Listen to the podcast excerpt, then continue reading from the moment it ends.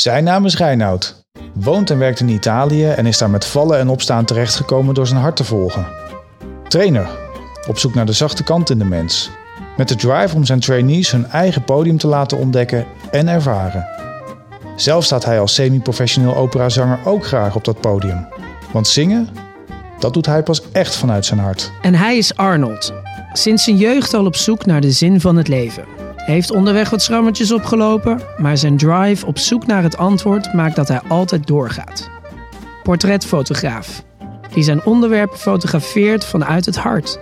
Altijd op zoek naar de schoonheid achter onzekerheid en de kwetsbaarheid achter zelfverzekerdheid. Ja, maar dat doe je vanuit het hart. Toen we elkaar jaren geleden leerden kennen, was dat eigenlijk een van onze eerste conversaties.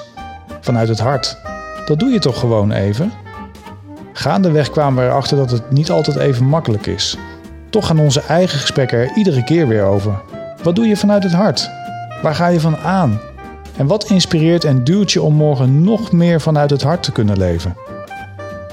En naar die verhalen en ervaringen gaan wij op zoek in deze podcast. Door onze eigen verhalen te delen en met anderen in gesprek te gaan.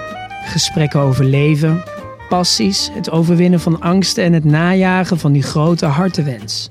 We heten je daarom ook welkom in onze virtuele woonkamer.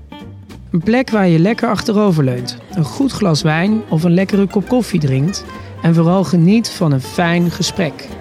Als een feest van herkenning of een bron van inspiratie voor iedereen die zo graag vanuit het hart wil leven.